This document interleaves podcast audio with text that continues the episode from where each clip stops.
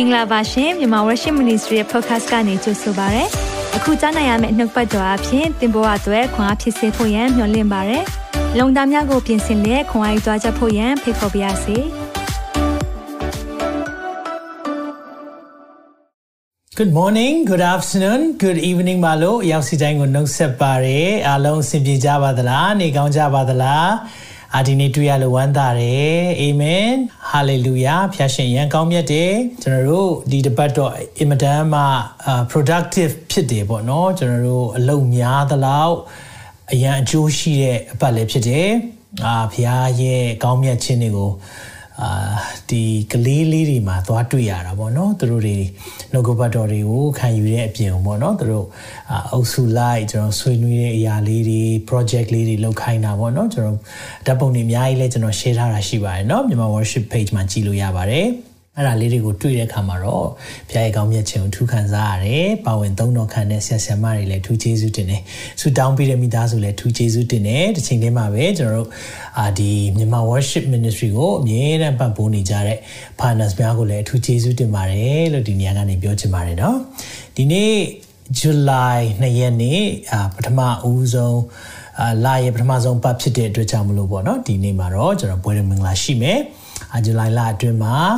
ဝင်နေကြရတဲ့သူတွေအားလုံးကိုလည်းဒီနေရာကနေ Happy Birthday ပါလို့နှုတ်ဆက်ပါရနော်အရောက်တိုင်းပေါ်မှာဖျားရှင်ရဲ့ကြွယ်ဝစွာသောကောင်းချီးမင်္ဂလာတက်ရောက်ပါစေတစ်ချိန်တည်းမှာပဲဖျားရဲ့အကြံစီတိုင်းသက်ရှင်နိုင်သောသူများဖြစ်ဖို့လည်းဒီနေရာကနေဆုတောင်းပေးပါရဆိုတော့ဒီနေ့ကျွန်တော် prophecy update ပြင်ဆင်ထားပါတယ်ဖြစ်ပျက်နေတဲ့အရာလေးတွေက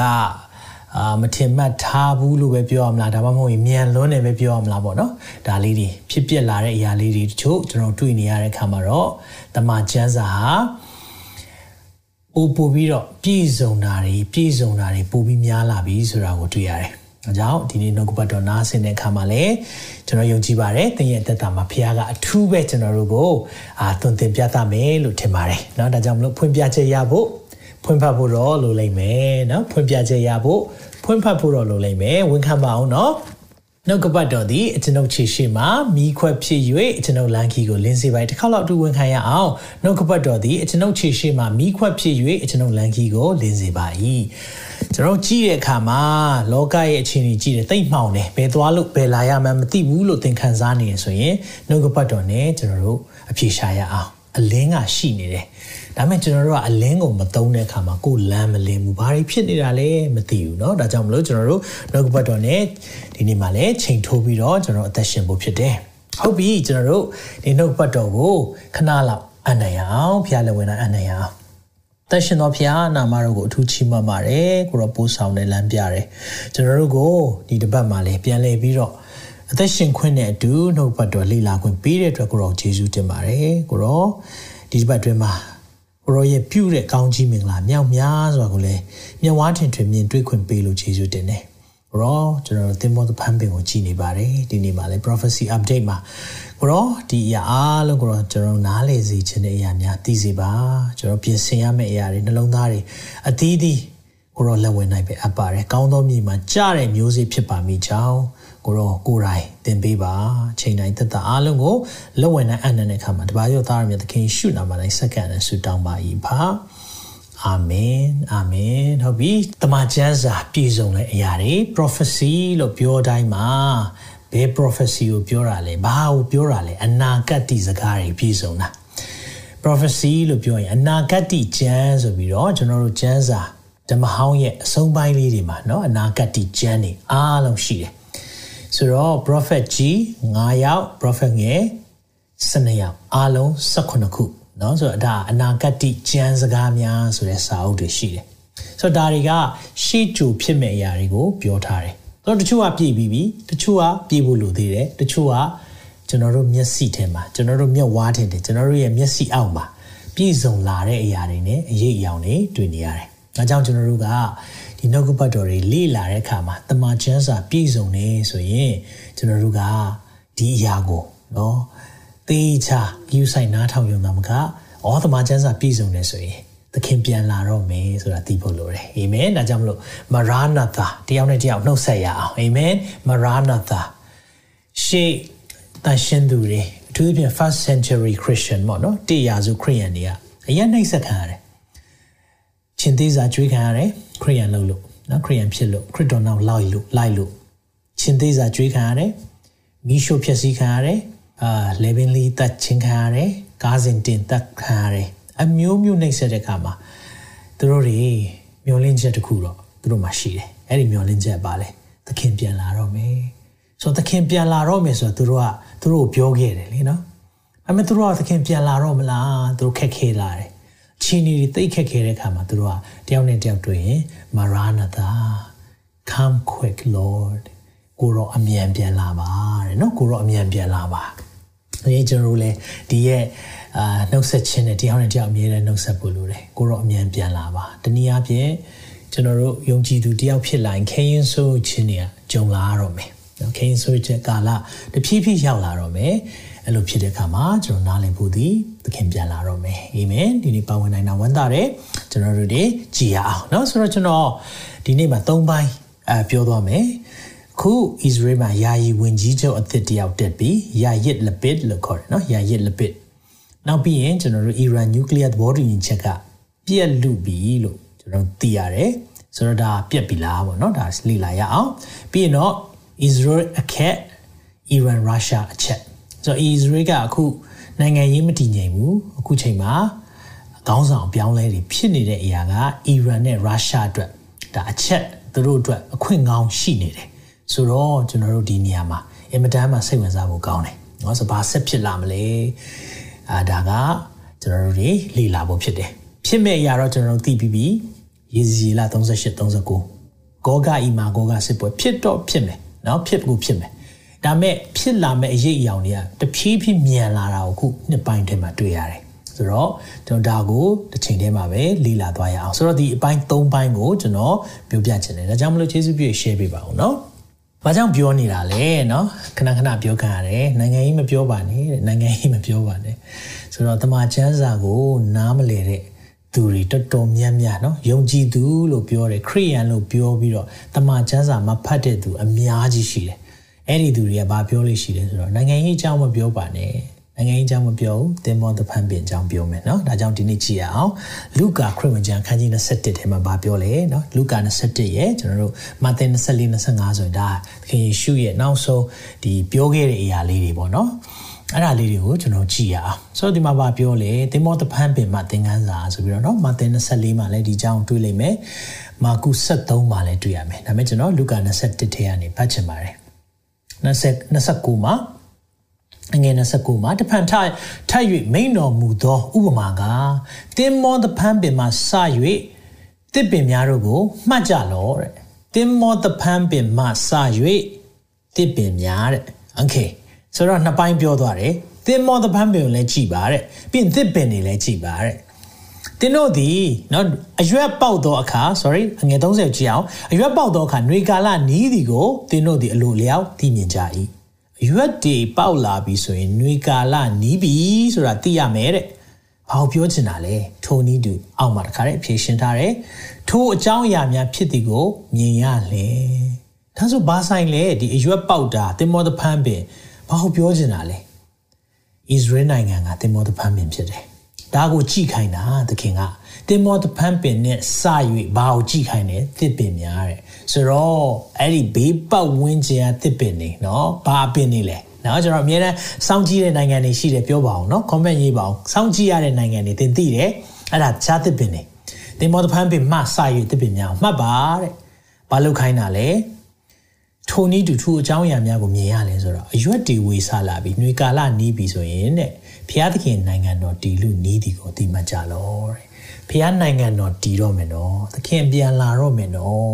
ဒီအရာကိုပြောနေတာဒါကြောင့်ကျွန်တော်တို့တစ်ချိန်လုံးတစ်ချိန်လုံးသင်္ဘောသဖန်ပင်နဲ့ပတ်သက်ပြီးတော့လေ့လာနေတယ်เนาะကျွန်တော်နိုင်ငံရေးစိတ်ဝင်စားပါဘူးအထူးဖြင့်နော်မြန်မာနိုင်ငံအကြောင်းဆိုရင်ကျွန်တော်ဒါနဲ့နေတာပေါ့เนาะမြန်မာနိုင်ငံရဲ့နိုင်ငံရေးတွေရှုပ်ထွေးတဲ့ခါမှာကျွန်တော်အများကြီးမသိနိုင်ဘူးเนาะဆိုတော့ဒါပေမဲ့ကျွန်တော်စိတ်ဝင်စားတာတော့ သင်္ဘောသဖန်ပင်နဲ့ပတ်သက်ပြီးတော့ရန်စိတ်ဝင်စားတယ်။ငါတို့ချို့ပြောတယ်မြန်မာနိုင်ငံအကြောင်းလည်းပြောပါအောင်ဆရာတဲ့။ဆိုတော့မြန်မာနိုင်ငံနဲ့ပတ်သက်ပြီးတော့ကျွန်တော်တို့ဒါတွေကဟဟိုနားမလည်နိုင်ဘူးပေါ့နော်နိုင်ငံရေးနဲ့ပတ်သက်ပြီးဒါမဲ့ကျွန်တော်သိတာကတော့သင်္ဘောတဖန်ပင်နဲ့ပတ်သက်ပြီးကျွန်တော်စိတ်ဝင်စားတယ်ဒီအကြောင်းပဲကျွန်တော်တို့ဆက်ပြီးတော့လည်းပြောသွားမယ်ငါအမှန်ဆိုသည်ကတဲ့ယခုဖြစ်သောလူများမကုန်မီဤအကြောင်းအရာအလုံးစုံတို့သည်ဖြစ်ကြလိမ့်မည်ကောင်းကင်နှင့်မြေကြီးမတည်တော့လဲငါစကားတည်လိမ့်မည် ယခုဖြစ်တဲ့လူများဆိုတာတင်မောသဖန်းပင်ရဲ့ຫນွေကာလရှောက်တာကိုမြင်လိုက်တဲ့ generation နော်ဆိုတော့အခုချိန်မှာ Israel နိုင်ငံရဲ့ဖွံ့ဖြိုးလာတဲ့အရာတွေအခုဖြစ်နေတဲ့အရာလေးတွေကိုမြင်တဲ့သူတွေနော်အဲ့ဒီသူတွေမကုန်ဘူးဆိုတော့နော်ဒီလူတွေရှိနေသေးတယ်အခု Israel ရဲ့ဖြစ်ဖြစ်တာအလုံးစုံဖြစ်မယ်တဲ့နော်ဒါကြောင့်မလို့ဖခင်ရဲ့အကြောင်းအရာနော်ဒီနေ့တင်မောသဖန်းပင်ဆိုတာကျွန်တော်တို့ဖခင်ကကျွန်တော်တို့ကိုတစ်ပင်ကဲသို့ Israel ကိုကြည်ခိုင်းနေတာ အဲ့ဒီနဲ့ပတ်သက်တဲ့တစ်ပင်တွေကိုကျွန်တော်ဒီနေ့မှာလည်းကြည်ရအောင်ဆိုတော့အခုလို့သင်္ဘောသဖန်ပင်အကြောင်းပြောတိုင်းပြောတိုင်းမှာအမြဲတမ်းတဖွဲ့ရှိတတ်တယ်အဲ့ဒီဖွဲ့တွေကိုလည်းတခါတည်းဒီနေ့မှာပြောပြချင်တယ်ပေတရုဒုတိယဆောင်ခန်းကြီး3ငယ်3ပေါ့နော်နှစ်ပေ33မှာဗာပြောလဲဆိုတော့သာရဖျိုက်နေ့ရက်နဲ့ပတ်သက်ပြီးပြောထားတယ်ရှေးဥစွာတိမတ်အပ်သောအရာဟုမူကားနောက်ဆုံးသောကာလ၌ပြောကြည့်ပါ နောက်ဆုံးသောကာလ၌ အဲ့ဒီနောက်ဆုံးသောကာလရောက်လာပြီဆိုရင်တဲ့မလာပြီလေပြည့်ရပြုတ်တတ်သောသူတို့သည်တဲ့မိမိတို့ပြည့်ရပြုတ်တတ်တဲ့သူတဲ့လှောင်ပြောင်ခြင်းတဲ့သူ mocker လို့အင်္ဂလိပ်ကျမ်းစာမှာတော့ mocking လုပ်တာဘာတွေလုပ်လဲဆိုတော့သူတို့ပြည့်ရပြုတ်ခြင်းတာနော်ပြည့်ရပြုတ်ခြင်းတဲ့အဖွဲ့ကအမြဲတမ်း comment လည်းပေးတတ်တယ်ဘာအထဲမှာဘာပါလဲသူတို့မကြည့်ဘူးအစဆုံးလည်းမကြည့်ဘူးနားမထောင် comment ပေးမယ်ရေးမယ်နော်တိုက်ခိုက်မယ်ပုတ်ချမယ်တပုတ်လေးလွှတ်မယ် မိမိတို့တတ်မှတ်ခြင်းတိုင်းဆိုဇာတိရအပြည့်ရှိတဲ့အခါမှာဇာတိစကားပဲထွက်တယ်ဖျားသခင်ကြွလာမည်ဟူသောဂတိတော်သည်အဘယ်မှာရှိသနည်းဘယ်မှာလဲဖျားကြွလာမယ်လို့မင်းတို့ပြောပြောနေပြီးတော့ဘယ်မှာလဲအခဏခဏခဏကြားရတယ်နော်အဲ့ဒီကြားရတာကိုကနောက်ဆုံးသောကာလရဲ့ sign တစ်ခုဖြစ်တယ်။ဒါကြောင့်မလို့သင်နားလည်လိုက်ပါ ဒီချီဆောင်ခြင်းတွေအကြောင်းတော့နော်နောက်ဆုံးသောကာလအကြောင်းတော့အခုလို prophecy update ပြောလာပြီဟဲ့ဆိုအမြဲတမ်းအဲ့ဒီပြည့်ရပြုတ်တခါလေကျရင်သူတို့ကိုသူတို့အမှုတော်ဆောင်ပါလို့ပြောတဲ့သူတွေဖြစ်နေတာအင်မတန်မှဝမ်းနေဘူးကောင်းတယ်ခရိယန်ဒီပါလို့ခံယူထားတဲ့သူတွေကပြည့်ရပြုတ်နေတာဖြစ်နေတယ်အဲ့ဒါသခင်ကြွလာမယ်ဂတိပမာလေမိုးဘီမြအိပ်ပျော်သည့်နောက်ခတ်သိမ်းသောအရာတို့သည်ဖန်ဆင်းဟန်စင်းကဖန်ဆင်းစက ဖြစ်တဲ့ကဲ့သို့ဖြစ်မဲ့ဖြစ်ကြ၏ဟုဆိုလျက်အရင်တိုင်းပဲလေဘာမှမထူရင်ကလေးကဒီတိုင်းပဲရှိခဲ့တာ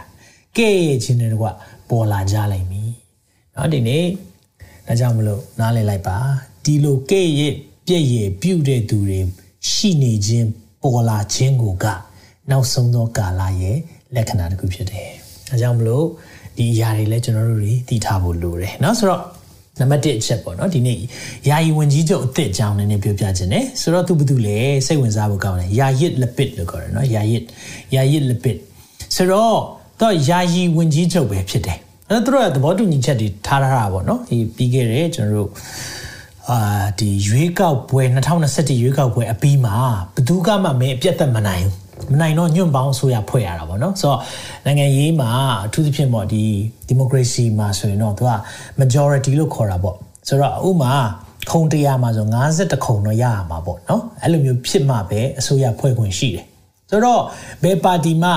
တဝက်51ရာခိုင်နှုန်းမရဘူးပေါ့နော်50ကျော်မရတော့သူတို့ကဘာလုပ်ရလဲဆိုတော့ တခြားအဖွဲ့တွေနဲ့ညွန့်ပေါင်းဆိုတာတခြားပါတီတွေပေါ့နော်အယူဆတူချင်းမှတူမယ်ဒါပေမဲ့ညွန့်ပေါင်းပါတီဖွဲ့တယ်ဆိုတာနော်ကိုခံယူချက်တူချင်းမှတူမယ်အဲ့လိုညွန့်ပေါင်းပါတီဖွဲ့ဖို့ရန်အတွက်လှုပ်လာတဲ့အခါမှာဘာဖြစ်သွားလဲဆိုတော့အဲ့ဒီမှာဘန်ဂျမင်နာတန်ယာဟူပေါ့နော်ဒါဒါကတော့အမြဲတမ်းအနိုင်ရလေးရှိတဲ့အာဒီဝန်ကြီးချုပ်အဟောင်းပေါ့နော်ဘန်ဂျမင် BB လို့ခေါ်တာပေါ့နော်သူချစ်စနိုးနဲ့ BB သူ့ကို သူသူ့ပါတီကတော့မဲအများဆုံးရတယ်ဒါပေမဲ့ तू ကလည်းအစိုးရဖွဲ့နိုင်လောက်တဲ့မဲရည်အတွက်မရှိပြန်အောင်အဲ့လိုဖြစ်တဲ့ခါမှာသူ့ကိုဖြုတ်ချခြင်းတဲ့ခါမှာဒီအခုဒီအစိုးရအသစ်ကလှုပ်ခဲ့တာပေါ့နော်သူတို့တွေပါတီတွေပေါင်းပြီးတော့အာ BB ကိုဖြုတ်တာနော်ဒါဒါသူတို့ကသူတို့မှတူညီတဲ့အာခံယူချက်တစ်ခုရှိတယ်အဲ့ဒီတစ်ခုကတော့ Benjamin Netanyahu ဖြုတ်ကိုဖြုတ်ဖြစ်မယ်ဆိုတော့နော်ဒီရဲ့တူညီမှုအောက်မှာသူတို့ပါတီရှစ်ခုပေါင်းတယ်ဆိုတော့ အဲ့ဒီအရာလေးအရင်ဆုံးပြောပြချင်တယ်ဆိုတော့အခုဒီယာရစ်လပစ်ဘယ်သူလဲเนาะဆိုတော့သူကအအောဖို့တော့ကောင်းတယ်ဒါအရင်တော့ကဒါ तू က TV host ဆိုတာ तू TV မှာဒီနိုင်ငံရေးသုံးသပ်တယ် तू ဆိုတော့အဲ့ကနေ तू ကနိုင်ငံရေးအကြောင်းတွေပြောတယ်ပြောရင်းနဲ့ तू က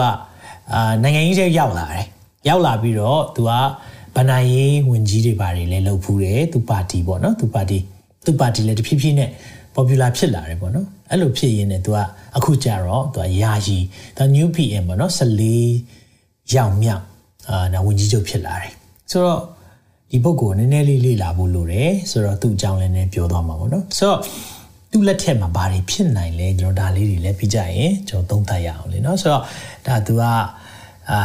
သူကအရင်တော့ကတော့ TV ဘိုင်းမှာအလုပ်လုပ်ဖူးတယ်ဆိုတော့မစိမ်းဘူးပေါ့မီဒီယာသမားဖြစ်တယ်ဒါပေမဲ့နောက်ပိုင်းမှာတော့နိုင်ငံရေး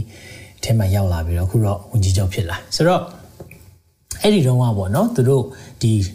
လွန်ခဲ့တဲ့တစ်နှစ်ပဲရှိသေးတယ်အဲ့တော့ကသူပါတီ၈ခုအဲ့မှာတန်းစီပြီးထိုင်နေကြတယ်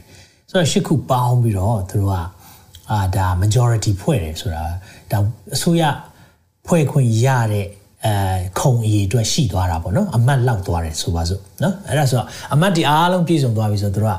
ကပါတီဖွဲ့မယ်ဆိုပြီးတော့လောက်ကြတဲ့အခါမှာသိအံ့ဩဖို့ကောင်းတာပေါ့နော်ဒီပုံကျွန်တော်ပြဘူးလေဒါပုံဟောင်းပါပဲနော်2021တုန်းကဘယ်လိုဖြစ်သွားလဲဆိုတော့သူတို့အဲ့ဒီတုန်းက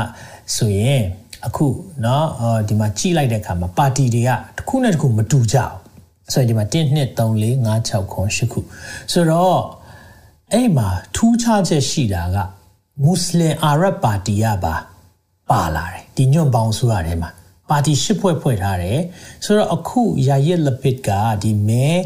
တော့ခုံ16ခုရထားတာပေါ့နော်ဆိုတော့ तू ကတော့ဒီညွန့်ပေါင်းထဲမှာအများကြီးရဒါပေမဲ့ထူးဆန်းတာဒီဘက်သူ့ရဲ့ဒီဒီ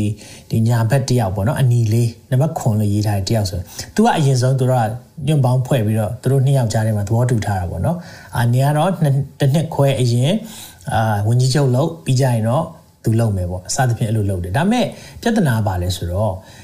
ideology မတူဆိုတော့ဒီမှာကြီးတဲ့အခါမှာသူတို့ကလက်ရရင်းပါတယ်လက်ဝဲရင်းပါတယ်နောက်ပြီးရင်မျက်စိမှလမ်းစဉ်ဆိုအလေအလတ်ပေါ့နော်ဆိုတော့နေတဲ့အဖွဲ့ပါနိုင်ငံရေးမှာဒါခံယူချက်တွေရှိတာပေါ့နော်အဲ့လိုဖြစ်တဲ့အခါမှာသူတို့ဒီဖွဲ့ထားတဲ့အဖွဲ့ကအဲ့ထဲကနေဘာဖြစ်သွားလဲဆိုတော့တချို့ကနှုတ်ထွက်သွားတယ်နှုတ်ထွက်သွားတော့သူတို့မှာအစိုးရ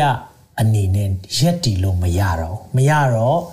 ဒါဘာလို့ရလဲဆိုတော့လွှတ်တော်ဖျက်ရတယ်လွှတ်တော်ဖျက်ပြီးပြီဆိုရင်ရွေးကောက်ပွဲပြန်လုပ်ရတယ်ဆိုတော့အခုသူတို့ဘာလုပ်မလဲဆိုတော့ရွေးကောက်ပွဲအသစ်ပြန်လုပ်ရတော့မယ်ဆိုတော့ရွေးကောက်ပွဲအသစ်ကဒီအောက်တိုဘာလကုန်ပိုင်းနိုဝင်ဘာလဆန်းပိုင်းပေါ့နော်အဲ့ဒီအဲ့ဒီမှာဖြစ်ဖို့အစီအစဉ်ရှိတယ်ဆိုတော့ဒါသူတို့အာတရားဝင်ကြော်ညာတဲ့အရာလေးတွေနောက်ပိုင်းကျရင်ကျွန်တော်ပြောပြသွားမယ် ဆိုတော့အဲ့လိုဖြစ်တဲ့အချိန်မှာ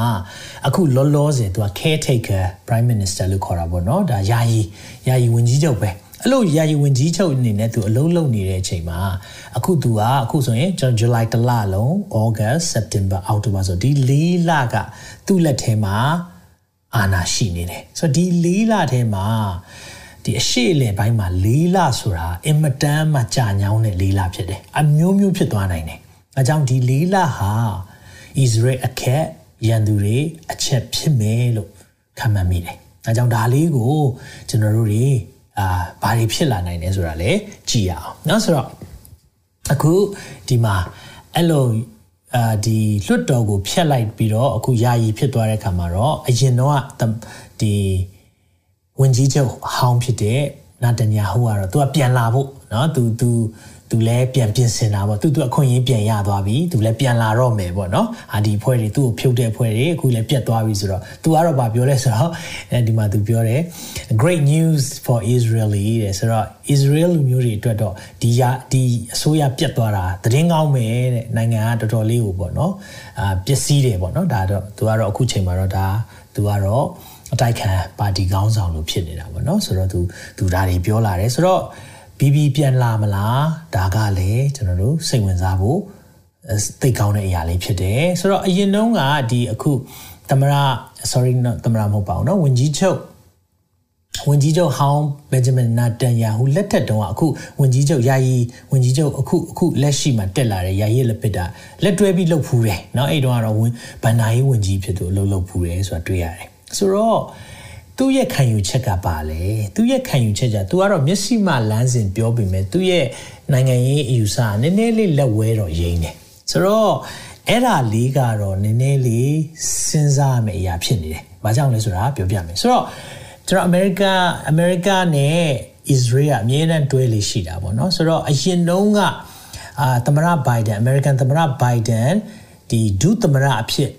လောက်တဲ့အချိန်တုန်းကဒီအခုတက်လာတဲ့ယာယီလပစ်ကလည်းသူတို့နှစ်ယောက်ကအဲသူကလည်းဗန်နိုင်ဝင်ကြီးအနေနဲ့ဆိုတော့သူတို့တွေ့ဆုံဖူးကြတယ်ဆိုတော့အခုဗာပြောလဲဆိုတော့ဘိုင်ဒန်ကအဂုံယူပါတယ်တဲ့ဘယ်လိုပြောလဲဆိုတော့ friendship over the past year ဆိုတာငါတို့နှစ်ပေါင်းများစွာတငယ်ချင်းဖြစ်ဖြစ်လာကြဒါနိုင်ငံရေးစကားလည်းဖြစ်ပါတယ်เนาะဒါပေမဲ့တခုဒီအချိန်မှာတခုတတိထားရမယ်ယုံကြည်သူတွေကျွန်တော်တို့ဆုတောင်းရမယ့်အချက်လည်းဖြစ်တယ်အဲ့ဒါဘာလဲဆိုတော့ Israel မှာ အမြဲတမ်းပြဿနာတက်နေတာကျွန်တော်တို့ယူဒပီရှာမာရိပီဆိုတော့ကျွန်တော်တစ်ခါပြပူတယ်เนาะယူဒပီရှာမာရိပီဆိုတာအခုနိုင်ငံတကာဘယ်လိုခေါ်လဲဆိုတော့အနောက်ဘက်က West Bank လို့ခေါ်တယ်အဲ့ဒီနေရာမှာပါလက်စတိုင်းနေနေကြတယ်ဆိုတကယ်တော့ကျန်းစာအရာဆိုတာယူဒပီရှာမာရိပီနော် Israel ဂျူးတွေရဲ့နေမြေဖြစ်တယ်သို့တော့အခုချိန်မှာအဲ့ဒါကိုသူတို့ကအာသူတို့ရဲ့ကိုယ်ပိုင်နိုင်ငံအဖြစ်ခွဲထွက်ချင်တာပေါ့နော်ဟို တတ်တတ်ကြီးရက်တည်ချင်တာဒါမျိုးကိုကြိုးစားနေတယ်ဆိုတော့ဘိုင်ဒန်အစိုးရက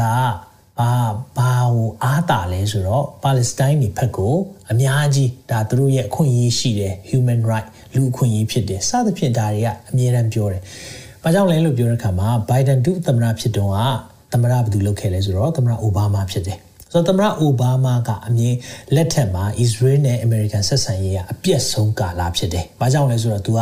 ပါလက်စတိုင်းဘက်ကိုအရန်ကိုရက်တီပေးတာကိုတွေ့ရတယ်။ဆိုတော့ကျန်းစာမှာမရက်တီတော့ဘူးနော်။ပါလက်စတိုင်းဘက်ကိုလည်းရက်တီပေးတယ်။အဲ့လိုဖြစ်လာတာများတော့အခုချိန်မှာလည်းအခုဂျိုးဘိုင်ဒန်လက်ထက်မှာလည်းဒီဥစ္စာကိုဖိအားပေးမလားဆိုတာကျွန်တော်တို့ကြည့်ရမှာဖြစ်တယ်။ဆိုတော့ဘိုင်ဒန်နော်အခု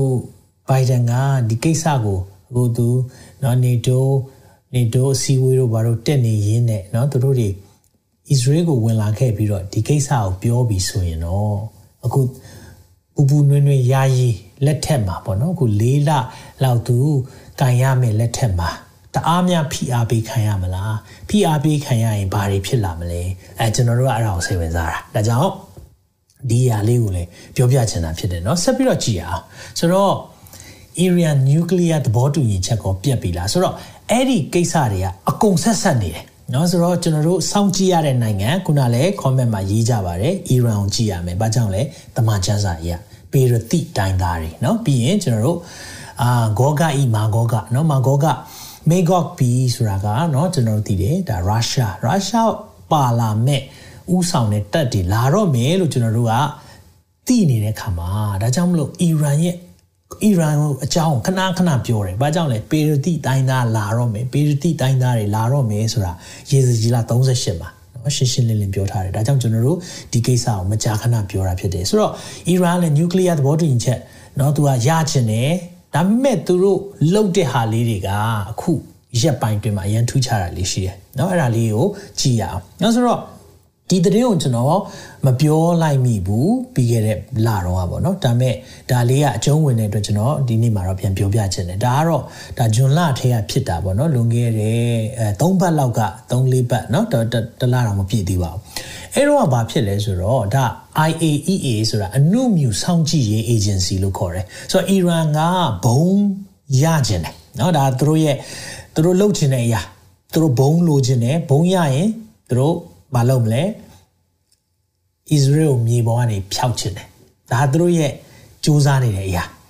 ဆိုတော့ဒီလိုရဖို့လုပ်နေတဲ့အခါမှာအနုမြူစောင့်ကြည့်ရေးအဖွဲ့တွေကအမြဲတမ်းသူတို့ကစောင့်ကြည့်တယ်အဲ့ဒီမှာသူတို့သုံးတဲ့ကင်မရာပေါ့နော်သူတို့ကအဲ့ဒီမှာကင်မရာလောက်ထားရဲဆိုဟိုမှာဘာလောက်ကြမလဲအဲသူတို့တွေတပ်ပေါင်းဖို့တွေမှာဘာလောက်နေလဲဆိုတာစောင့်ကြည့်တဲ့ကင်မရာကိုအီရန်ဘက်ကဖြုတ်ပလိုက်ပြီနော်ဆိုတော့သူတို့စောင့်ကြည့်လို့မရတော့အကုန်လုံးဖြုတ်ပလိုက်တဲ့အရာလေးတွေတွေ့ရတယ်ဆိုတော့သဘောက သူတို့ဘာတွေခိုးလုံနေတယ်လဲဆိုတာကိုမသိရတော့ဒီလိုဖြုတ်လိုက်တဲ့ဟာကဘာဖြစ်သွားစေလဲဆိုတော့เนาะဒီ2015တော့နျူကလ িয়ার သဘောတူညီချက်ဒါအိုဘားမားလက်ထက်တုန်းကရခဲ့တာဖြစ်တယ်เนาะအိုဘားမားလုတ်သွားတဲ့ဟာလေးပေါ့နော် Trump ကအဲ့ဒါကိုလုံးဝဖျက်ပလိုက်တယ်။ဘာလို့လဲဆိုတော့အကျိုးလုံးဝမရှိလို့ဖျက်ပစ်တာဖြစ်တယ်။ဒါပေမဲ့အခု Biden လက်ထက်ရောက်တော့အဲ့ဒါကိုပြန်ပြီးတော့သူတို့အသက်သွင်းခြင်းနဲ့အာအဲ့လိုအသက်သွင်းခြင်းအပြင်အီရန်ကဘာရမလဲဆိုတော့စီးပွားရေးပိတ်ဆို့တာတွေ short ချခံရမယ်။အီရန်ကဘာလုပ်ပေးရမလဲဆိုရင်တော့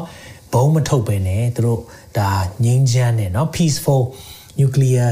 အာ process ပေါ့เนาะဆိုတော့ nuclear နဲ့ပတ်သက်ပြီးတော့ဘုံမထုတ်ပါဘူးသူတို့ဒါလောင်စာအဖြစ်ပဲသုံးတာပါစသဖြင့်ပေါ့เนาะအဲ့လိုမျိုးသဘောတူညီရမယ်ဆိုတဲ့အရာအခုကတော့ သူတို့အနေနဲ့တော့ဘုံရဖို့ဣသရေလပြောနေပြီသူတို့ကဘုံလုံးမှာပဲရတော့မယ်အကယ်၍သူတို့ဘုံရခံနီးပေါ့နော်ဘုံဘုံကြောင့်လာပြီးတော့အညွတ်မြူဘုံနဲ့လာမကျဲခင်ငါတို့ကတော့အရင်ဆုံးတော့ ဖြည့်ဆည်းပြရမယ်သူတို့ကပြောနေပြီเนาะဆိုတော့ဒီဒီရဲ့အရာလေးတွေအခုဒီအဲဣသရေလရဲ့နိုင်ငံရေးအကျက်တဲ့အချိန်မှာဘာဖြစ်လာမလဲဆိုတာဒီလေးလကအင်မတန်မှအရေးကြီးသွားပြီလို့မြင်တယ်အဲကြောင့်ဒီလေးလကိုကျွန်တော်တို့တွေအရန်ကိုသတိထားမယ်လေးလဖြစ်တယ်။ဘာကြောင့်လဲဆိုတော့ဝင်ကြီးချုပ်နော်ယာယီဝင်ကြီးချုပ်ကလည်းဝင်ကြီးချုပ်အနေနဲ့ဒါပထမအောင်ဆုံးသူလုပ်ဖူးတာဖြစ်တယ်။ အရင်တော့ TV သမားဖြစ်တယ်နော်မီဒီယာသမားဖြစ်တယ်နိုင်ငံရေးအကဲခတ်ဖြစ်တယ်ဆိုတော့သူအတွေ့အကြုံတော့အာနိုင်ငံရေးအတွေ့အကြုံတော့ရှိတဲ့လောက်ရှိပါတယ်သို့တော့အာအီရန်ဘက်ကတွေးတိုးဆန်းလိုက်မယ်เนาะဒါကိုကျွန်တော်တို့ဟိုမူချပြောနိုင်တာအီရန်ဘက်ကနေအများကြီးတွေးတိုးဆန်းတဲ့အလုပ်တွေတွေ့နိုင်တယ်နောက်တစ်ခုကအခုမှအခုကကုလသမဂ္ဂကဘာပြောလာလဲဆိုတော့ဒါဒါမကြသေးဘူးเนาะကုလသမဂ္ဂဒီရက်ပိုင်းတွင်မှာဘာပြောလိုက်လဲဆိုတော့ ဒီနျူကလ িয়ার သဘောတူညီချက်လုပ်ဖို့ဟာတဲ့အီရန်ဘက်ကနေမဖြစ်နိုင်တဲ့တောင်းဆိုချက်တွေတောင်းဆိုတယ်တဲ့เนาะလုံးဝမဖြစ်နိုင်တဲ့တောင်းဆိုချက်တွေเนาะဆိုတော့သူတို့ရဲ့ဒီအရန်အရန်တက်ပြောမလားဒါမှမဟုတ်ရင်တို့ရဲ့အထူးတက်အထူးတက်ဖွဲ့ဝင်တွေပေါ့နော်အဲ့ဒါတွေကိုတဲ့ဒီအကျန်းဖက်သူများစရင်ကနေထုတ်ပေးရမယ်တဲ့တကယ်တော့အကျန်းဖက်နေတာเนาะတို့တို့ဒုံးကြီးတွေနဲ့ Saudi ကိုပြစ်ခိုင်းတာတော့စသဖြင့်เนาะ American ဒီတန်ယုံကိုလည်းလှမ်းပစ်တာတွေเนาะကျွန်တော်ပြီးခဲ့တဲ့သင်ခန်းစာတွေတော့ပြောဖူးတယ်ဆိုတော့ဒီအဖွဲ့ကိုနိုင်ငံတကာအချမ်းဖတ်အဖွဲ့ကနေပယ်ဖြတ်ပေးရမယ်ဆိုတာအင်မတန်မှကြီးလေးတဲ့တောင်းဆိုမှုမဖြစ်နိုင်တဲ့တောင်းဆိုမှုဆိုတော့သူတို့အချိန်ဆွဲနေတာဆိုတော့အိုမှာလဲဓာတ်ပေါင်းဖွားနေလဲအင်မတန်မှသူတို့နျူကလ িয়ার နဲ့ပတ်သက်ပြီးတော့ဘုံထုတ်ဖို့လုပ်နေတော့အချိန်ကိုမရမရအောင်ဆွဲတာဆိုတော့အခုကစပြောလာပြီ UN က အာသူတို့ဘက်ကနေဒီလိုတောင်းဆိုမှုတွေအများကြီးလုပ်လာပြီတဲ့เนาะအဲ့လိုဖြစ်လာတဲ့အခါမှာတော့ဘာနားလဲရမလဲဆိုတော့အခုချိန်မှာเนาะဒီသဘောတူညီချက်ကပြက်ဖို့များသွားပြီဆိုတာကိုသိရမယ်ဒါတရဝင်တော့မဖြစ်သေးဘူးဒါပေမဲ့ပြက်ဖို့အများများသွားပြီဒီသတင်းတစ်ခုမှဆိုလဲဘာတွေ့ရလဲဆိုတော့သူတို့ဒိုဟာမှာအမေရိကနဲ့အီရန်နေတွေ့ကြသေးတယ်เนาะဆိုတော့အာသူတို့တွေ့ပြီးတော့ဆွေးနွေးတဲ့အချိန်တုန်းကလည်း ပိုဆိုးသွားတယ်လို့ပြောတယ်နော်ဆိုတော့ဒီသတင်းရဆိုရင်သူတို့ဆွေးနွေးမှုကလုံးဝပိုဆိုးသွားတယ်ဒါကြောင့်မလို့ nuclear လက်နက်သူတို့ကတော့ထုတ်ဖို့ဖက်ကိုပိုသွားတော့မယ်ဆိုတဲ့သဘောမျိုးဖြစ်သွားတာပေါ့နော်ဆိုတော့ဘလို့မှမရနိုင်တော့ဘူးဆိုတဲ့အခြေအနေရှိသွားဆိုတော့ဒါ nuclear Iran နဲ့ဒီအနောက်အုပ်စုရဲ့ nuclear သဘောတူညီချက်ကတော့ ပြတ်တလောက်ဖြစ်နေပြီဒါမဲ့ကျွန်တော်ဒါ update ပြန်လုပ်ပေးပါမယ်เนาะကြည့်ပြတ်သွားပြီဆိုရင်လည်းတရားဝင်ပြတ်သွားပြီဆိုရင်လည်းကျွန်တော်ဒါတွေကြည့်ရမယ်ဒါမဲ့အဲ့ဒီ၄လเนาะအခုပြောမယ် July August September October ဒီ၄လထဲမှာဘာတွေဖြစ်မလဲအရန်ကိုစိုးရင်ရတဲ့အခြေအနေရှိတယ်ဆိုတော့ Israel အခက် Iran Russia အတွက်အချက်ဖြစ်နေတယ်ဆိုတော့ဘာကြောင့်လဲလို့ဘာကြောင့်ဒီလိုပြောတာလဲလို့ပြောတဲ့အခါမှာနောက်ပြီးခဲ့တဲ့သင်ခန်းစာတော့လည်းကျွန်တော်ပြောခဲ့တယ်ပြီးခဲ့တဲ့လတော့ရုရှားကဒီ အဲလေရင်တွေပေါ့နော် Israel လေရင်တွေဝင်ဝင်ပြီးပြစ်နေတာကိုတို့ကနည်းနည်းလေးမသိကြိုးချံလှုပ်ပေးခဲ့တယ်နော်ပြီးခဲ့တဲ့နှစ်ပေါင်းတော်တော်များများပေါ့နော်အဲ့လိုလှုပ်ပေးပေမဲ့နောက်ဆုံးဒီ Damascus ဟိုဆီးရီးယားရဲ့ Damascus လေစိတ်ကိုပြစ်ပလိုက်တယ်နော်ဆိုတော့ဘာကြောင့်ပြစ်လဲဆိုတော့အီရန်ကလက်နက်တွေကိုခိုးပြီးတည်တာတည်တော့သူကခီးတယ်တင်လေရင်နဲ့တောင်တည်တာဖြစ်တယ်ဒါသားတွေကိုသတင်းရတဲ့အခါမှာသူတို့ကပြေးပြေးလန်းနေပါတယ်ဖျက်ဆီးပလိုက်တယ်အဲ့ဒါကိုရုရှားတော်တော်လေး စိတ်ဆိုးသွားတယ်เนาะဆိုတော့ရုရှားမကြည်နပ်ဘူးအဲ့ဒါတစ်ချက်ပေါ့ဒါပေမဲ့အဲ့ဒီတက်သူတို့ဆိုးတာကဘာလဲဆိုတော့ယူကရိန်းကိုဣသရေလကူညီမယ်ဆိုတဲ့အရာလေးတွေပေါ့နော်အဲ့ဒါလေးတွေကိုသူကစိတ်ဆိုးတာဖြစ်တယ်တကယ်တော့ဆိုတော့ Iron Dome ဆိုတာဒုံဒုံကြီးဒုံခွင်းဒုံပေါ့နော်ဆိုတော့အကယ်၍ရုရှားဒုံကြီးပစ်လာရင်ယူကရိန်းဘက်ကနေပြန်ပြီးခုခံနိုင်မဲ့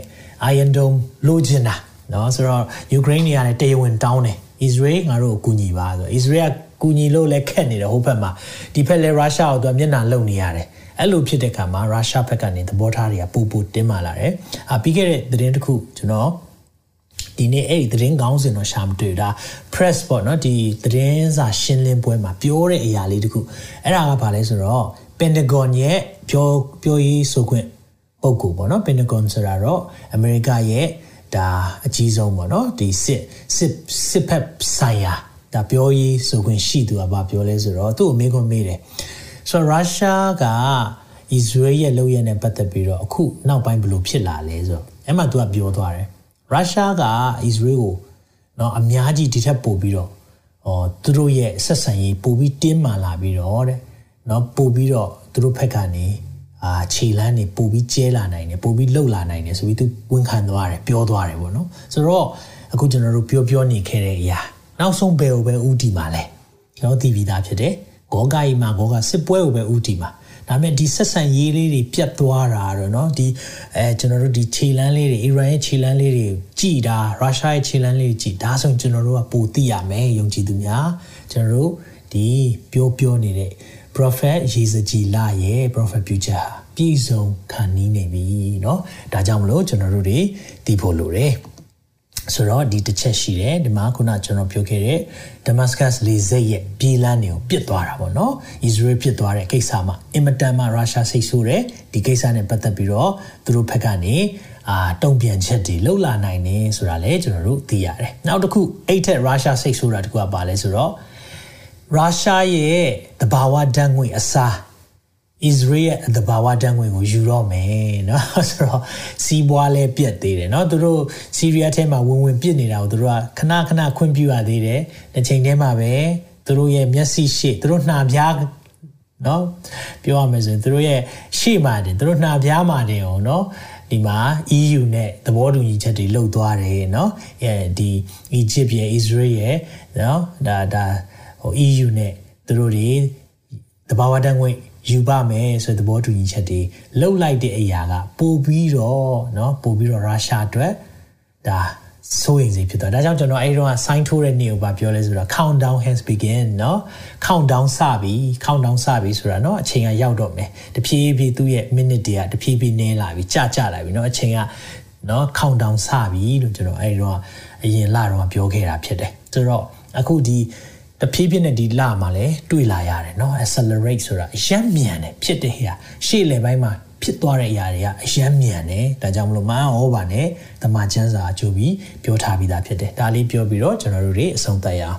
ဂောဂအိမာဂောကစစ်ပွဲမကြာခဏပြောတယ်ဒီနေ့လည်းပြန်ပြောပြအောင် ပြန်ပြောပါမယ်เนาะတချို့တွေလည်းအသစ်ဖြစ်တယ်တချို့လည်းကြားဘူးပြီးသားဖြစ်ပေမဲ့ပြန်ပြန်ပြီးကျွန်တော်တို့ဒါကို remind လုပ်ပေးချင်ပါတယ်ရေစီကြီးလာ38ငွေတစ်ကနေ6တဖန်ထာရဖျိုင်နှုတ်ပတ်တော်သည်ငါစီတို့ရောက်လာ၍အချင်းလူသားယောရှဘီမေရှက်ဘီတူပူလာဘီကိုအစိုးရသောမာဂောဂဘီသားဂောဂမင်းတဖန်နိုင်မျက်နှာထား၍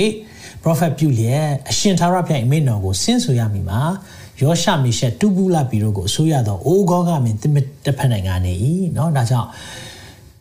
ဂောဂမင်းဂောဂဂောဂလို့ပြောနေရတကယ်တော့ဒါကစာတန်ပါပဲเนาะဝိညာဉ်ဆိုးဖြစ်တယ်ဒါပေမဲ့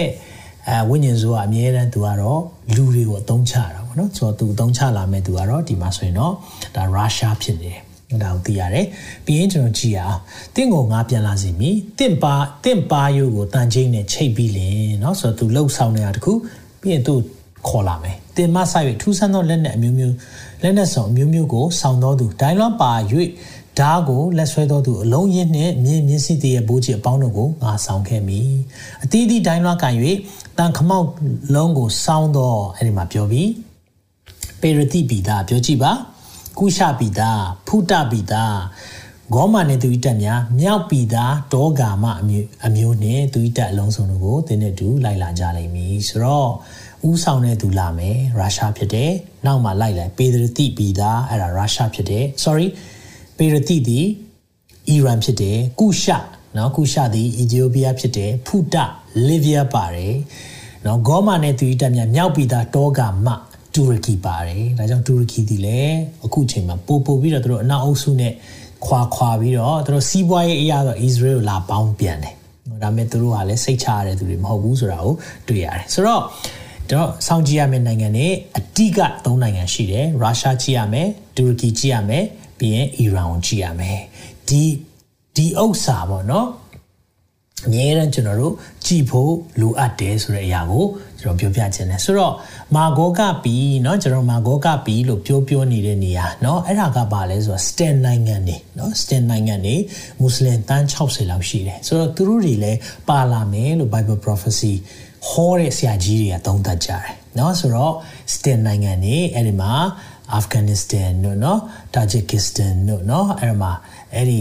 နိုင်ငံတွေ extend တွေလည်းပါလာမယ်ဆိုတဲ့သဘောကိုတွေ့ရတယ်ဆိုတော့ကျွန်တော်တို့ဒီဟာလဲထူးခြားမှုရှိရင်ကျွန်တော်တို့ update ပြန်ပြီးတော့လုပ်ပေးခြင်းတယ်เนาะဆိုတော့တူရကီဆိုတာအမှဂေါမာเนาะအဲတူဘူးတူ တီပီတွေနော်မေရှက်ပီတူဘူးလာပီဆိုတဲ့အရာအားလုံးဒီတူရကီကိုပြောတာဖြစ်တယ်ဒါကြောင့်ဒီနိုင်ငံတွေပါလာမယ်ဆိုတာကိုကျွန်တော်တို့သိဖို့လိုတယ်ဆိုတော့ ဂောဂနဲ့မာဂောဂစစ်ပွဲမှာပါမစ်နိုင်ငံတွေဘာတွေရှိလဲဒီမှာဒီမှာအကုန်ရေးထားပေးပါတယ်ရုရှားပါမယ်အီရန်ပါမယ်เนาะဒီမှာပြီးတော့စတင်နိုင်ငံတွေပါမယ်ပြီးရင်တူရကီပါမယ်ပြီးရင်အဲအီသီယိုးပီးယားဒါမှမဟုတ်ရင်ဆူဒန်တောင်ပိုင်းဒါတွေပါမယ် ပြီးရင်တချို့တွေကတူနီးရှားတို့လီဗီးယားတို့အယ်ဂျီးရီးယားအဲ့ဒီနိုင်ငံတွေပါအနည်းနဲ့များပါလာနိုင်တယ်လို့ပြောတယ်ဒါကြောင့်ကျွန်တော်ဒီနိုင်ငံတွေကိုကြည်ရအောင်เนาะဒီရက်စစ်ပွဲဟာမကြာခဏဖြစ်တော့မကြာခင်မှာဖြစ်တော့မယ်ဒီအရာကိုကျွန်တော်တို့ကတဖြည်းဖြည်းနဲ့အရှိန်တက်လာတာတွေကိုတွေ့နေရပြီဆိုရင်ကျွန်တော်တို့သိရမယ်မကြာခင်ဖြစ်တော့မယ်ဆိုတော့ချီဆောင်ခြင်းနှီးပြီလားအရန်နေပြီဆိုတော့အဲမေခွန်မေးလာကြပါတယ်ဆရာဒီစစ်ပွဲကချီဆောင်ခြင်း အရှိမလားချီဆောင်ပြီးမှလားကျွန်တော်လည်းမသိပါဘူးเนาะဒါဒီဒီရဲ့ပွဲကတော်တော်များများကတော့ခံမှန်းကြည့်တာတော့ဒီစစ်ပွဲဟာเนาะဖြစ်မယ်ဒါမဲ့အိတ်မတိုင်ခင်လေးမှများချီဆောင်ခြင်းလာမလားပြောကြတယ်ပို့ပြီးတော့ဘာကြောင့်လဲဆိုတော့အဲ့စစ်ပွဲဖြစ်ပြီးတော့9နှစ်တောင်မှ เนาะလက်နက်တွေကိုမိရှုဖျက်ဆီးကြမယ်ဆိုတော့ဒါပေးတဲ့ကြီးကလာ9နှစ်များလားเนาะဒါမျိုးပြောကြတယ်ဆိုတော့ဒါကတော့အပြတ်တော့ပြောလို့မရအောင်ဒါပေမဲ့သိကြတာတခုကတော့အေးဝင်းကျင်လေးမှာပဲချီဆောင်ခြင်းအဖြစ်လိမ့်မယ်။ဒါကြောင့်ကျွန်တော်တို့ဒီစစ်ပွဲဖြစ်တော့မဲ့အရေးအယောင်တွေတွေ့တဲ့အခါမှာချီဆောင်ခြင်းအရန်နေပြီ။တင်မောသဖန်ပင်နဲ့ကျန်တဲ့တစ်ပင်တွေကိုကြီးဖို့လိုတယ်ဒါအောင်ပြောချင်တာဖြစ်တယ်เนาะဆိုတော့သခင်ကလည်းကျွန်တော်တို့ကိုဗာပြောခဲ့လေဒါလေးပြောမယ်เนาะမာသဲ24ငွေ30ထိုကာလ၌အများသောသူတို့သည် ဖောက်ပြန်ခြင်းတို့ရောက်၍အချင်းချင်းတယောက်ကိုတယောက်အကြလိမ့်မည်เนาะဖောက်ပြန်ပျက်စီးပြီးတော့တယောက်နဲ့တယောက်တိုက်ခိုက်ကြမယ်ချင်းချင်းမုန်းမယ်မိစ္ဆာ prophet တွေပေါ်လာပြီးလူများကိုလှည့်စားမယ်သခင်ယေရှုဟာကယ်တင်ရှင်ဖြစ်တယ်မဟောတော့ဟုတ်လားသခင်ယေရှုဟာအာเนาะကားတိုင်းမှာမတည်ခဲ့ဘူးတော့ဟုတ်လားအမျိုးမျိုးဟောကြားချက်တွေထွက်လာလိမ့်မယ်ဒါပေမဲ့ကျွန်တော်အစ်စ်ကိုရထားဖို့လိုတယ်ပြီးရင်မတရားသောအမှုတို့သည်များပြားသဖြင့်မတရားသောသူတို့ဤချစ်ချင်းမြတ် အများသောသူတို့ဤချစ်ချင်းမြတ်တာသည်ခေါင်းပါမယ်နော်တရားနဲ့တရားချစ်တဲ့အရာတွေခေါင်းပါလာမယ်အချင်းသူသည်အဆုံးတိုင်အောင်တည်ကြည်ဒါလေးကိုအငယ်73ဒူကဖတ်ကြည့်အောင်အချင်းသူသည်အဆုံးတိုင်အောင်တည်ကြည်ထို့သူသည်ကယ်တင်ခြင်းသို့ရောက်လိမ့်မည်ကျွန်တော်တို့အဆုံးတိုင်တည်ကြည်ရအောင်ဘလောက်ခက်ခဲလာတဲ့အခြေအနေကြုံစေကမူ မိတ်ဆွေဒီနေ့သခင်ပြန်လာမယ်ဆိုတာမမေ့ပါနဲ့။ဒါကြောင့်လူမျိုးအပေါင်းတို့အားတက်တည်ဖြစ်မိအကြောင်းနိုင်ငံတော်နဲ့ရှင်တော်အင်ဝင်တရားကိုလောကီနိုင်ငံအရေးရရှိသမျှတို့၌ဟောရလိမ့်မည်။သို့ပြီးမှအဆုံးသည်ဖြစ်လက်တန်။နော်ဆိုတော့နီးလာပြီ။အခုအင်တာနက်ကြောင့်ကျွန်တော်တို့ဟောပြောနိုင်တဲ့အရာတွေကပို့ပို့ပြီးတော့နော်မရောက်နိုင်တဲ့လူကိုယ်တိုင်မရောက်နိုင်တဲ့နေရာတွေမှာနှုတ်ကပတ်တော်တွေအေဝံဂေလိသတင်းစကားတွေရောက်နေပြီ။ဒါကတမန်ကျမ်းစာပြည်စုံလာတဲ့အချက်တွေဖြစ်တယ်။အင်တာနက်ဆိုလည်း ပို့ပြီးတော့အားကောင်းတဲ့เนาะပို့ပြီးမြန်ဆန်တဲ့အင်တာနက်တွေလာတော့မယ်ဒါကဘာကိုပြနေလဲအေဝံဂေလိသတင်းစကားတွေလဲလီလိုင်းထဲကနေပို့ပို့ပြီးတော့ဟောပြောဖို့နဲ့ပြန်နှံဖို့တွေဖြစ်နေတယ်ဒီကာလမှာတင်းနဲ့ကျွန်တော်အသက်ရှင်ရတာဖြစ်တယ်ဒါကြောင့်မိတ်ဆွေတို့ဒီနေ့မှာဝါပေးခြင်းတယ်ဘေးကိုကြည့်တာစိတ်ပြေအထက်ကိုကြည့်ပါဥပ္ပနမိတ်လက္ခဏာတွေအားလုံးကတော့ကျွန်တော်တို့ကို ready ဖြစ်ဖို့တင်နေပြီ ready ဖြစ်ဖို့ပြောနေပြီ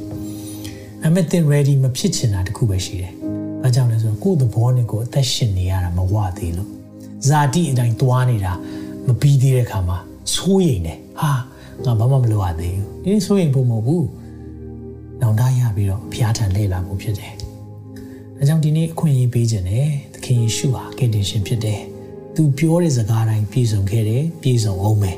သူပြောခဲ့တာပြန်လာခေါ်မယ်ယုံကြည်သူတွေအားလုံးကိုသိသိမယ် အဲ့ဒီကာလတိတ်နီးနေပြီမိတ်ဆွေအစဉ်သင်ဖြစ်ပြီလားကျွန်တော်အစဉ်သင်ဖြစ်ဖို့လိုတယ်အခုပုပ္ပနမိတ်လက္ခဏာဘုရားဒီတိုင်းပဲပြန်လာခေါ်မယ်ဆိုပြီးတော့ထားတာမဟုတ်ပဲねကျွန်တော်တို့ကဘာပြောပြထားလဲသင်္ဘောတပန်းပင်ကိုကြည်ပါအခုဣသရေလနိုင်ငံကြီးကြည်တဲ့အခါမှာသင်္ဘောတပန်းပင်မှာအသီးတွေသီးနေလားရွက်တွေဝေးစားနေလားຫນွေကာလရောက်တော့မလားကျွန်တော်တို့တွေဒါကိုချိန်ထိုးနေတာဖြစ်တယ်ဒါကြောင့်ဒီနေ့တင်းရဲ့အသက်တာမှာဘဝမှာကိုယ့်ရဲ့ သဘောတိုင်းသက်ရှင်နေသေးတယ်ဆိုရင်အပြစ်နောင်တရပါသခင်တန်လှည့်လာပါသခင်တင့်ကိုသိချစ်တယ်ဖះခွင့်မလွတ်နိုင်တဲ့အပြစ်မရှိပါဘူးသင်တောင်းပန်မယ်ဆိုရင်ဖះခွင့်လွတ်တယ်ဒါကြောင့်ဖះခွင့်လွတ်နိုင်တဲ့အချိန်เนาะဖះခွင့်လွတ်နေတဲ့အချိန်မှာအချိန်မနှောင်းသေးခင်မှာယေရှုပြုရဲ့သင်ရဲ့သက်တာကိုအနံပါသင်ဖះနဲ့နေနေသွားခြင်းနဲ့ဖះကိုဘဝမှာ ကိုယ့်ရဲ့အသက်တာအချင်တယ်ဆိုကျွန်တော်ရှေ့ကနေဆူတောင်းပေးမယ်ကျွန်တော်နောက်ကနေယေရှုပြုရဲ့နှလုံးသားပါလဲလိုက်ဆိုပေးပါသ ခင်ယေရှုခရစ်တော်ဖျားကျွန်တော်ဟာအပြစ်သားဖြစ်ပါတယ်ဒီကနေ့မှာအပြစ်အားလုံးအတွက်နောင်တရလျက်သခင်ထံကိုလှည့်လာပါပြီကျွန်တော်အပြစ်အားလုံးအတွက်ဝင်ချတောင်းပန်ပါတယ်ကိုရောခွင့်လွှတ်ပေးပါကျွန်တော်ဘဝကိုအုပ်ဆိုပါသခင်ယေရှုဖျားကိုရောရဲ့ကြွလာခြင်းမှာကျွန်ုပ်လည်းပါဝင်ခြင်းပါတယ်ပုပ္ပနမိတ်လက္ခဏာအားလုံးအတွက်ယေရှုတင်နေ ကျွန်တော်တို့ကိုပြင်ဆင်ဖို့တတိပေးတဲ့အတွက်လည်းရောကိုယေရှုတင်နေကျွန်တော်ဘဝကိုအုပ်ဆိုပါသခင်အသက်ရှင်စေလိုတဲ့အသက်တာနဲ့ဘဝကိုအသက်ရှင်ပါမယ်သခင်ယေရှုနာမ၌ဆုတောင်းပါ၏အာမင်အာမင်မိတ်ဆွေဒီဆုတောင်းချက်ကိုတောင်းနေဆိုရင်ဟာလေလုယာစိတ်လုံးသားပါလျက်နောင်တရလျက်တောင်းနေဆိုရင်သခင်သင်ရဲ့အဖြစ်ကိုခွင့်လွှတ်လျက်သင်ကို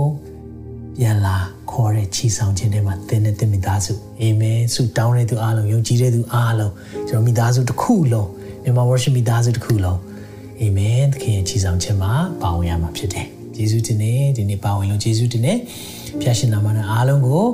အာကောင်းကြီးပေးတယ်ဒီချိန်ထဲမှာပဲကျွန်တော်ဆူတောင်းကောင်းကြီးပေးပြီးတော့အဆုံးသတ်ပါမယ်ထာဝရဘုရားသည်သင်ကိုကောင်းကြီးပေး၍ဆောင်မတော်မူပါစေသောထာဝရဘုရားသည်သင်၌မျက်နာတော်အလင်းကိုလွှတ်၍ယူနာဂျေဇုပြုတော်မူပါစေသောထာဝရဘုရားသည်သင်ကိုမျှော်ကြည့်၍ချမ်းသာပေးတော်မူပါစေသောနောက်ထုတ်လွှင့်ချက်မှာပြန်လည်ဆုံးတွေ့ပါအောင်မယ်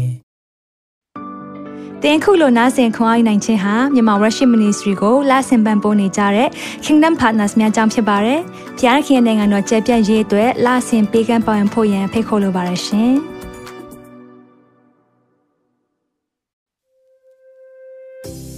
။အခုကြားနာခဲ့ရတဲ့နှုတ်ပတ်တော်အဖြစ်ခွန်အားရရှိမဲ့လို့ယုံကြည်မျှော်လင့်ပါတယ်။ခွန်အားရဆိုလို့ရှိရင်ဒီတစ်ပတ်နဲ့ပြန်လည်ဝင်မြပေးဖို့ရန်တောင်းဆိုပါရစေ။ မြန်မာ Worship Ministry ရဲ့ website myanmarworship.com ကိုလည်းလာရောက်လေ့လာဖို့ရန်တက်ဖိတ်ခေါ်ချင်ပါတယ်။တစ်ချိန်တည်းမှာမြန်မာ Worship Ministry ရဲ့ social media platform များဖြစ်တဲ့မြန်မာ Worship YouTube Channel, မြန်မာ Worship Facebook Page နဲ့မြန်မာ Worship Instagram များကိုလည်းလာရောက်လေ့လာဖို့ရန်အတွက်ဖိတ်ခေါ်ချင်ပါတယ်။နောက်တစ်ချိန်မှာပြန်လည်ဆုံတွေ့ကြပါစို့။ဖျားရှင်ကောင်းကြီးပေးပါစေ။